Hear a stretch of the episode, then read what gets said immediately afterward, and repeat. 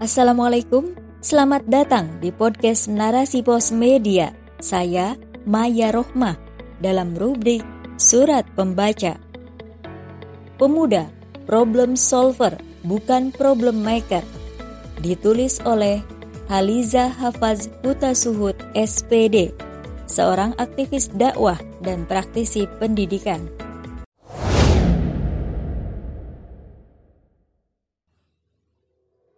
Pemirsa, tawuran antar pemuda kembali bergejolak di Belawan. Dua kelompok pemuda dari Lorong Papan dan Lorong Melati terlibat tawuran di Jalan TM Pahlawan, Kelurahan Belawan 1, Kecamatan Medan Belawan, Kota Medan, Minggu 19 September 2021. Ditegaskan oleh tokoh pemuda Belawan bahwa untuk menghentikan keributan yang terus-menerus itu butuh pihak keamanan dan pemerintah setempat yang harus turut ke setiap lingkungan untuk memberantas narkoba, sebab yang menjadi masalahnya adalah narkoba. Lagi dan lagi, obat haram narkoba menjadi penyebab hilangnya kesadaran pemuda dalam menghadapi berbagai hal. Termasuk dalam peristiwa ini, disampaikan oleh tokoh pemuda Belawan bahwa narkoba yang menjadi sebab terjadinya tawuran Sungguh miris kondisi pemuda di sistem ini, di mana mereka berakhlak buruk yang akhirnya menjadi sosok problem maker yang dapat merusak dunia. Padahal, seharusnya pemuda mempunyai peran yang sangat besar bagi perubahan dunia yang lebih baik, yang menjadikannya sebagai sosok problem solver. Sebab, pemuda adalah harapan masa depan umat. Tidak hanya narkoba, masih banyak perilaku buruk yang terjadi pada diri pemuda, termasuk pergaulan bebas, kekerasan dalam geng motor, saling bully, melawan dan menantang orang yang lebih tua, dan krisis moral lainnya. Sungguh, penyebab rusaknya moral pemuda dikarenakan sistem yang menerapkan aturan batil, yaitu sistem kapitalisme sekuler yang diterapkan oleh Indonesia saat ini di mana faktanya hari ini banyak orang tua abai dalam menanamkan keimanan dan adab-adab Islami kepada anak-anak mereka. Orang tua lebih menekankan prestasi belajar ketimbang pembentukan kepribadian Islam.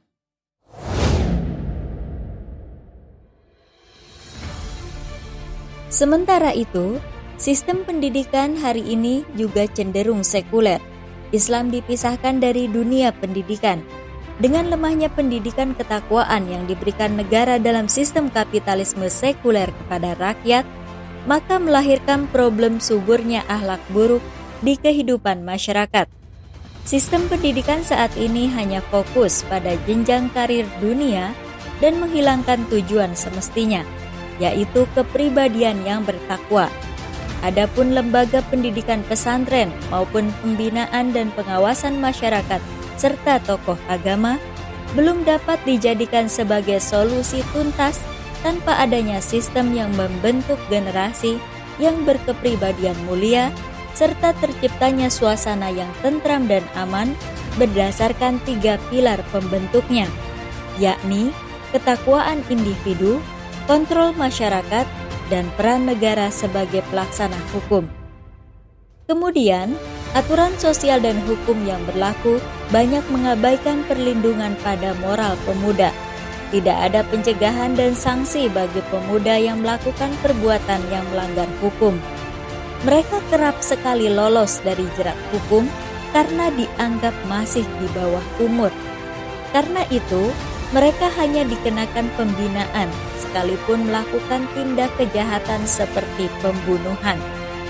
Maka dari itu, sudah semestinya permasalahan pemuda menjadi tanggung jawab semua pihak, termasuk peran orang tua, sebab orang tua adalah pihak pertama dan paling utama dalam pendidikan anak.